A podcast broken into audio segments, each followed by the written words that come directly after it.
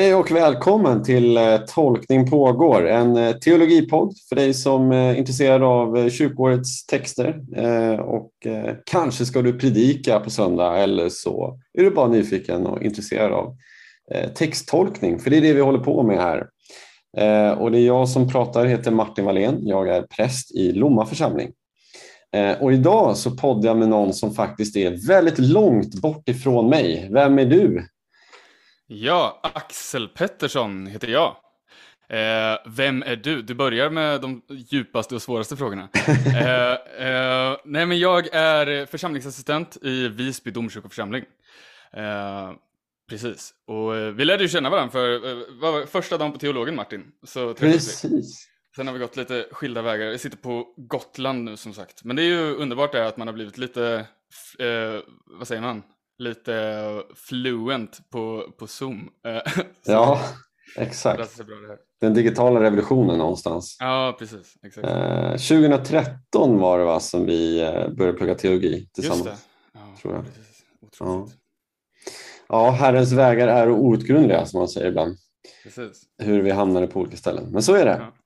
Eh, du, vi ska ju då podda inför tredje söndagen i advent. Eh, och det är andra årgången nu, det får man inte glömma bort heller mm. när man tittar ner i, i psalmboken och sådär. Eh, men du, eh, vill du läsa här från Matteusevangeliet? Ja, absolut. Eh, sedan Johannes döparens dagar tränger himmelriket fram och somliga söker rycka till sig det med våld. Ty ända till Johannes har allt vad profeterna och lagen sagt varit förutsägelser. Ni må tro det eller inte, han är Elia som skulle komma. Hör, du som har öron. Vad ska jag jämföra detta släkte med? De liknar barn som sitter på torget och ropar åt andra barn. Vi spelade för er, men ni vill inte dansa. Vi sjöng sorgesånger, men ni vill inte klaga. Johannes kom, och han varken äter eller dricker, och då säger man, han är besatt.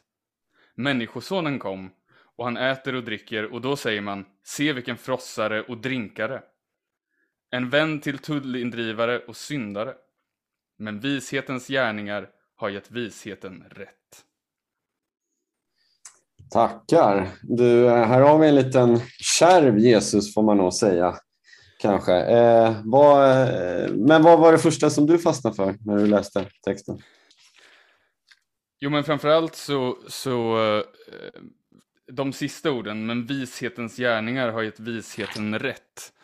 Och så tänker jag, vishetens gärningar har gett visheten rätt. Visheten, genom, genom att gå tillbaka till början av, av kapitlet så, så finner vi ju eh, Johannes som berättar om, om eh, de mirakel som Jesus utförde som att få eh, dö, blinda att se och lama att gå, spetälska att bli rena och döva att höra. Eh, och vishetens gärningar, alltså visheten är ju Jesus i det här. Um, och vishetens gärningar har gett visheten rätt. Alltså att eh, på grund av de eh, mirakel som Jesus har utfört så eh, legitimerar det Jesus som Messias.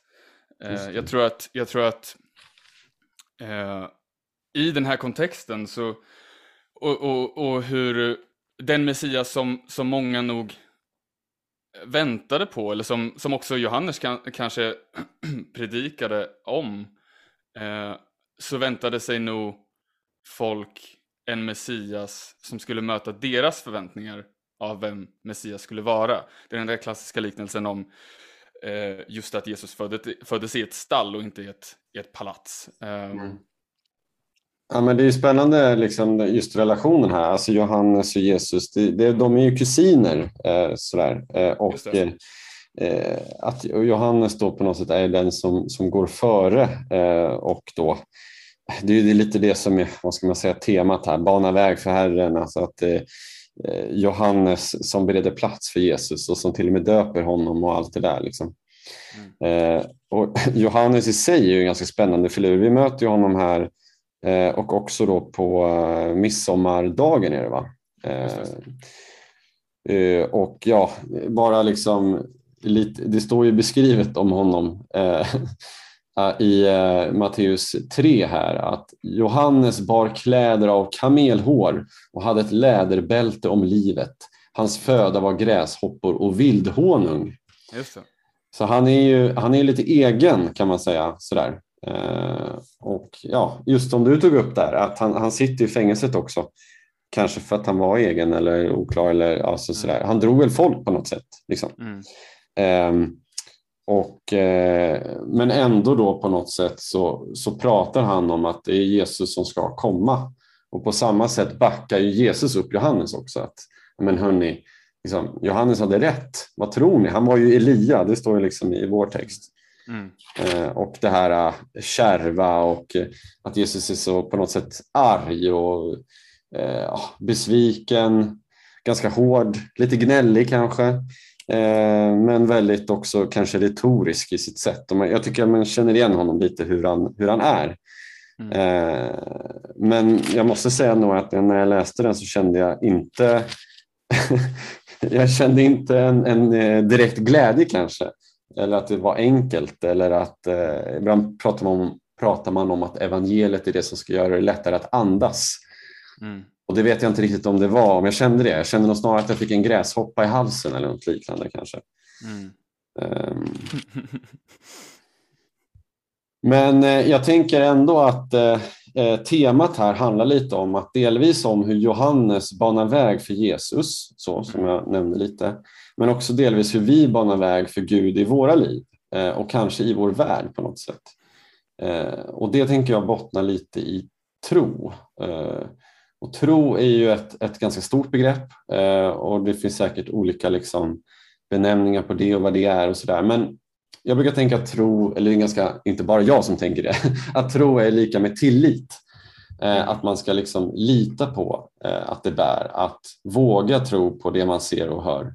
Eh, kanske våga släppa taget helt enkelt om sig själv. Eh, mm. och, eh, jag pratade lite om det här i veckan också med mina konfirmander just om om rädslor och sådär och om tro. Att det kanske är på något sätt eh, alltså man, Tvivel är ju inte motsatsen till tro utan eh, motsatsen till tro kanske är rädsla, att man inte vågar. Eh, och för, för det är på något sätt att det, det också hör ihop med mod. Att det är modigt att tro, det är modigt att släppa taget. Mm. Det är modigt att lita på någon eller något är sant till exempel. Mm. Eh, så den kontrasten tycker jag är lite spännande. Eh, just mm rädsla och tro. Verkligen. Och hur, jag... då, jag ska bara säga, hur då bereder vi plats för Gud i vårt liv? På något sätt? Ja, det. det. Jag, jag, tänk, jag tänker att, att julen är ju en så eh, lättillgänglig väg in i tron också. Alltså julen som eh, som vi alla har en relation till, vare sig vi är eh, troende eller, eller inte. Och den, den, påverkar alla, vare sig vi, det innebär julmys med familjen eller om vi, vi sitter ensamma. Um, men men eh, jul, julens evangelium är ju något som, som vi alla känner till. Och det är ju också början på allt som är anledningen till att vi sitter här och pratar överhuvudtaget med varandra.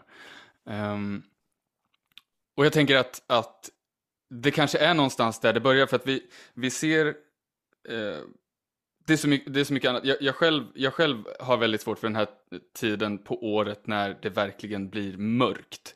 Och, och eh, att bo på en ö, som, som jag ju gör eh, numera, eh, så blir det väldigt påtagligt. Eh, och eh, jag har märkt nu sen, sen liksom första advent att eh, bara att få upp de här julstjärnorna och adventsljusstakarna och röda dukarna på bordet, hur det, hur det liksom ger eh, mörkret någonstans ett, ett liksom konkret syfte och jag tror att många, många känner igen sig i det, som sagt, vare sig man är, är troende eller inte och, och oavsett vad julen, julen betyder.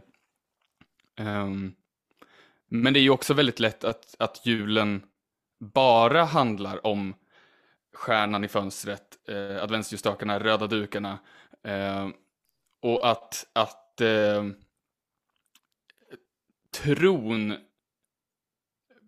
är ju det som i så fall kan, kan ge, eller så här, julen eh, är ju det som, som kan ge tron, tror jag, ett, ett startskott som sen liksom kan bära eh, in i eh, resten av kyrkåret. Som du säger, vi har precis gått in i andra eh, årgången och det är väl också av en, av en anledning kanske. Det är en nystart eh, och det nya kyrkåret. Eh, och det, det öppnar upp för en, en, en chans att kunna få gå med evangeliet hela vägen in till nästa, eh, nästa kyrkår. Eh, ja, jag, tror att, jag, jag, tror att om man, om man följer den vägen så, så eh, kanske påsken som inte nödvändigtvis betyder så mycket för, eh, för någon som kanske inte är så religiöst eh, utövande eh, också får en större betydelse. Eller den, stora betydelse, den största betydelsen som den ju har för, för någon som, som ser ehm, eh, den religiösa liksom, matnyttigheten i det också. Förstår du vad jag menar? Mm.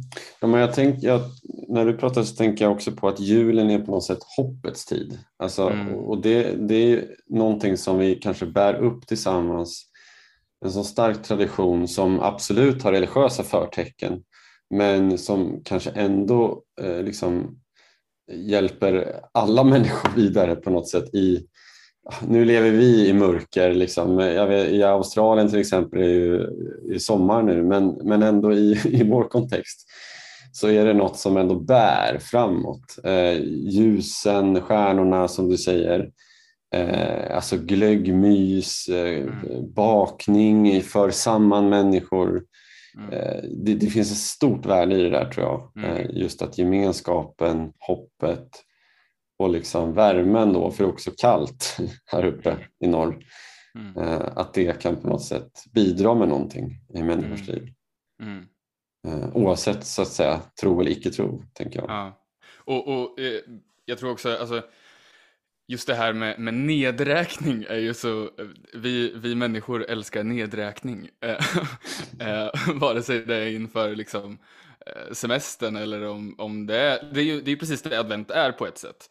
Um, mm. Sen kan man ju välja att stanna upp i nedräkningen också och, och, och uh, försöka, um, försöka se, se värdet i, i de specifika liksom, Eh, momenten också. Men, men den här nedräkningen mot julafton, det är väl också därför vi ser så mycket människor i just första adventsgudstjänsten, för det är där nedräkningen börjar. Um, och och samtidigt så här pomp och stå. Jag, jag, jag har mm. levt mig in väldigt mycket nu i första advent. Alltså, mm. Gott nytt år liksom. Och så bara, mm, verkligen. nej, nej. Mm. Vi får vänta ett tag till då hörni. Innan, ja, liksom, innan jul, innan, ja, innan allt händer på något sätt.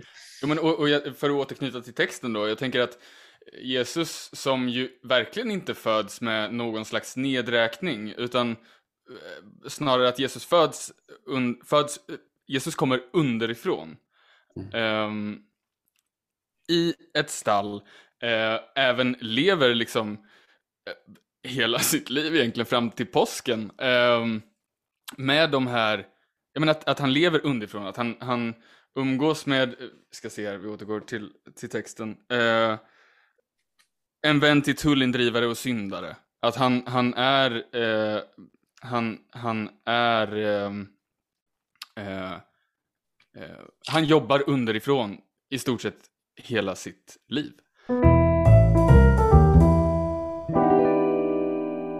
Jesus kommer underifrån. Jag gillar det. Det är ju lite befrielseteologi någonstans ju. Eller ja. också, det är också, ja, den, den bilden av Jesus är väldigt tydlig för mig också. Ja. Alltså att, att eh, ja, men Gud föddes då i, i, i ett härberge eller ett stall. Um, långt ute på landsbygden, liksom, eh, typ, i, i, de, i de mest obetydliga människorna liksom, i historien. Typ.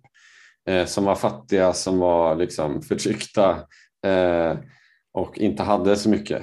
Eh, mm. Och ändå där, där någonstans, mitt i den liksom, smutsen, misären eh, och kylan säkert, så, så, så föds Gud. Liksom. Och hemlösheten. Hemlösheten, exakt på vägen till, ja exakt, på flykt nästan, även om de liksom skulle skattskrivas då. Och sådär. Ja. Verkligen. Det är, det är stort tänker jag. Vad, är, vad gör det med oss då att Gud är, på det, alltså är så? Eh, föds på det sättet. Det... Jag tänker att det sänker eh, kraven på vad det innebär att vara människa. Eh, jag tänker att ehm, om, om vi nu har, om, om Guds son, om det, om det är någon som som ska vara någon slags förebild så hade det, det hade varit svårt att leva upp till en kejsare liksom, som Guds son. Mm. mm. Det blir bara en dyrkan då kanske? Mm. Ja, verkligen. Verkligen. Jag tänker att eh, om vi går tillbaka till, till adventstiden, vi står ju nu i tredje advent, eh, bana väg för Herren. Eh, jag tänker, eh, på tal om det här med, med liksom att, att eh, julen kan få vara en väg in i tron, eh, så tänker jag att adventstiden är lite som att, eh, att grunda. Eh, jag hade ett projekt för, för några år sedan där jag skulle försöka eh, måla om min gitarr. Eh, och så, så köpte jag sprayfärg. Jag tänkte att det skulle liksom hjälpa. Men det spräckte ju hela eh, elgitarr, liksom, lacken. Eh, för att jag inte grundade. Nu, det är ju en väldigt eh, konkret li eh, liksom, liknelse här. Men jag tycker att det är lite, lite likadant. Ehm, och, och jag tror att många, många känner en, en liksom och det kan jag själv känna fram och tillbaka vissa år. Eh, men att man just under, under julen känner sig nog väldigt nära eh, nära det gudomliga. Eh, nära, nära sin, sin tro. Ja, nu talar jag utifrån mig själv såklart.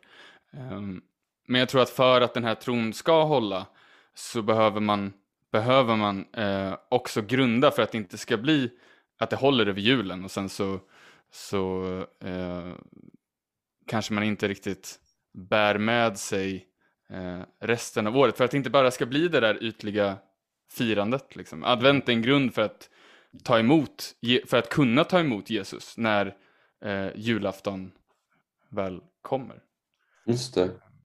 Jättespännande och jag när du, jag får bara upp bilder nu av att man målar ett hus. Ja, man måste liksom grunda med första ja, lagret, ja, sen bygga på. Sen måste man ju ja. måla om huset också efter ett par år. Precis. Eller gitarren. Eller gitarren, exakt. verkligen.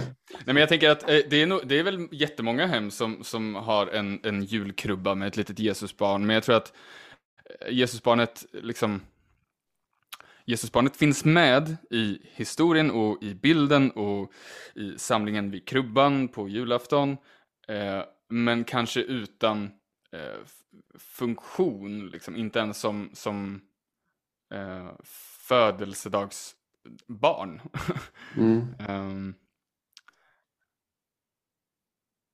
ja, jag, jag, tror, jag tror att i, i, i, tron, i tron behövs det liksom läggas en grund för att saker ska, ska kunna hålla. Och jag tror att det, det, med julen kan det också vara så att, att när julen är över så kanske tron är över. Eh, och julen är, julen är bra men det, det påverkar inte nödvändigtvis ens liv. Förstår, förstår, du hur jag tänker?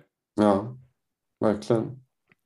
Um, ja, sen tänkte jag lite på uh, det som jag nämnde lite, alltså här, jaha, hur, hur är det vi som ska liksom kratta manegen för Gud? Hur, hur, som jag sa, hur bereder vi plats för Gud? Och så tänkte jag, man vända på det där. Liksom, är, är, är, det viktigt? Eh, behövs det?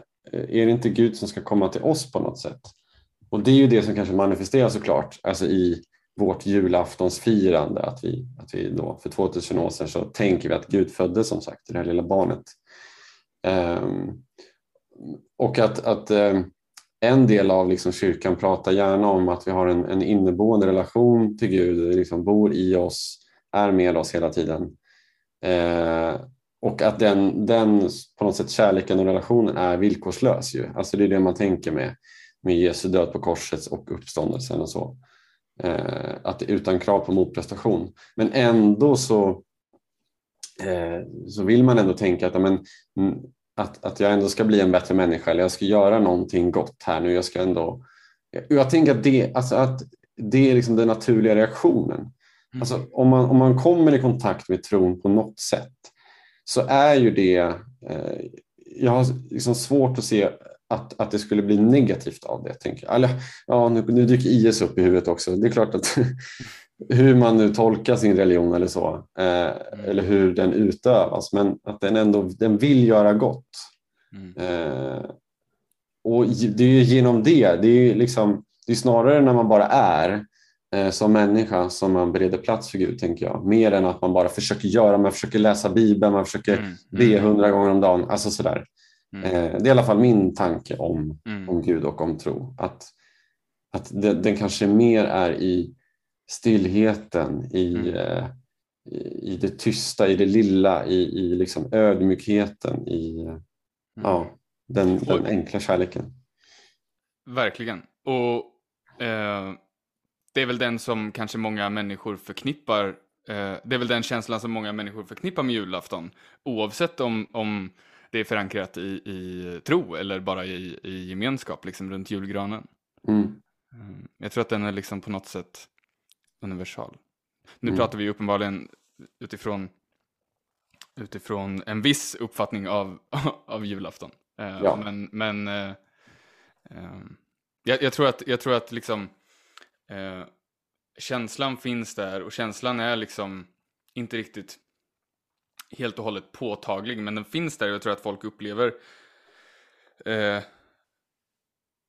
Folk delar den upplevelsen fast man kanske bara sätter olika etiketter på vad, vad den är grundad i. Mm. Eh, Och det- det är ju gudomligt i sig. Ja, verkligen. Och det är någonstans det där eh, att, att vi har ju inte kanske det religiösa språket längre idag på samma sätt som det har. Förr var det mer självklart. Mm. Och jag ser liksom ingen sorg i det. Det kanske är för att jag, man, man är ung och så, liksom ganska ny i kyrkan relativt sett. Ehm, Mm. Men jag minns, jag minns när vi gick på teologen eh, och jag kände i alla fall väldigt mycket att alla hade så färdiga for- formuleringar och alla kunde så mycket. Liksom, och alla, eh, jag kände inte att jag hade utvecklat det då. Mm. Eh, Men nu då med massa års teologstudier och arbete som präst så, så blir det ju mer och mer liksom att man hjälper, man skapar det här språket.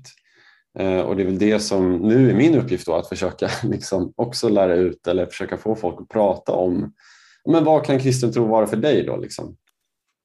Eh, och att vi inte ska döma folk heller, för alla, är vi, alla har vi ju varit nybörjare någon gång och alla vi befinner oss liksom på en, en, en, eh, en sträcka på något sätt och vi alla är på olika ställen på den här sträckan. Mm. Eh, Men att, att vi ändå är, ja, vi är del av det här allesammans. Liksom. Mm. Men vi är också väldigt bra på att jämföra eh, med varandra. Eh, Så det, det, är väl, det är ofta det svårt. Och det är återigen då, släppa taget kanske. Eh, Mm. Att, att släppa taget om att jämföra sig eller släppa taget om att någon annan kan mer än vad jag kan. Eller ja, utgå från där man själv är någonstans kanske. Mm. Nej men som du säger också att, att vi, vi, eh, kanske, vi, vi kanske inte ska ställa så höga krav på oss själva. Jag tror inte att, att liksom, om, vi, om vi återgår till, till eh, Jesus som någon slags, någon slags, ehm, eh, någon slags förebild eh, liksom, och, och någon slags eh, måttstock. Eh, så, så, och att återgå till, till liksom att Jesus föddes eh, inte i ett palats, och precis som för att återgå till texten, ehm, att han umgicks med dem han umgicks och, och att ehm, eh, förutsättningarna för oss, alltså du kan, du kan, du kan ju leva ett helt liv och, och, och kämpa med tron. Det finns väl så många som önskar att de hade, att de kände en stark tro, men som inte gör det. Ehm, jag tror att det är viktigt att se till liksom, anledningen till att Jesus föddes hemlös, tänker jag, är för att vi ska hitta ett hem i vårt inre. Om, om, om, om inte det inre och yttre eh, håller ihop, alltså med yttre så menar jag liksom, ja men för att återgå till eh, röda dukar och, och eh, stjärnor och ljusstakar. Om inte det inre och, och vad den inre betydelsen av julen kan betyda och yttre håller ihop, då blir det, då blir det bara en, en tradition som återkommer varje år. Um, men men jag tror också att många hittar vägen in i tron genom traditionen och därför så är det också viktigt med stjärnor och ljusstakar och eh, röda dukar. Ehm, och julen vill väldigt många fira medan påsken blir eh, påsken i sin tur blir bekännelsehögtiden. Eh, de som de som går på, på långfredagen och de som går liksom hela, hela påskvandringen eh, är bara, det, det, är en slags bekännelse i sig och jag tror att många kanske avstår från att gå hela vägen därför att man, man känner att men, så investerad är jag kanske inte i, mm. i, i det här. Um, och för att återkoppla då, jag tror att julen är en väg in i tron och precis som Jesus föds in i världen blir julen en väg in i tron. Uh, och den som står ut uh, kanske kommer hela vägen till påsken och påskvandringen. Just uh, Då är det ju Jesus som bereder väg för tron. Exakt. Catching. ja. Det är ett ganska bra avslut här nu Axel, känner du det? ja, verkligen. Slutorden.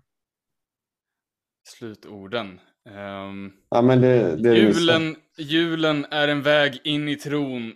Eh, och precis som Jesus föds in i världen blir julen en väg in i tron och den som står ut kommer hela vägen fram till påsken. Men det var inte sant, det var inte sant, för däremellan kommer fastan. Oh my god, det här var grymt. ah, okay. Tack för att jag fick vara med. Det var, det var väldigt roligt. Tack Axel. Eh, det här var riktigt bra samtal. Eh, många trådar. Jag känner att jag behöver gå och begrunda själv lite vad vi nyss har mm. samtalat om. Och det är ju det bästa, tänker jag, med texttolkning och samtal med andra människor mm.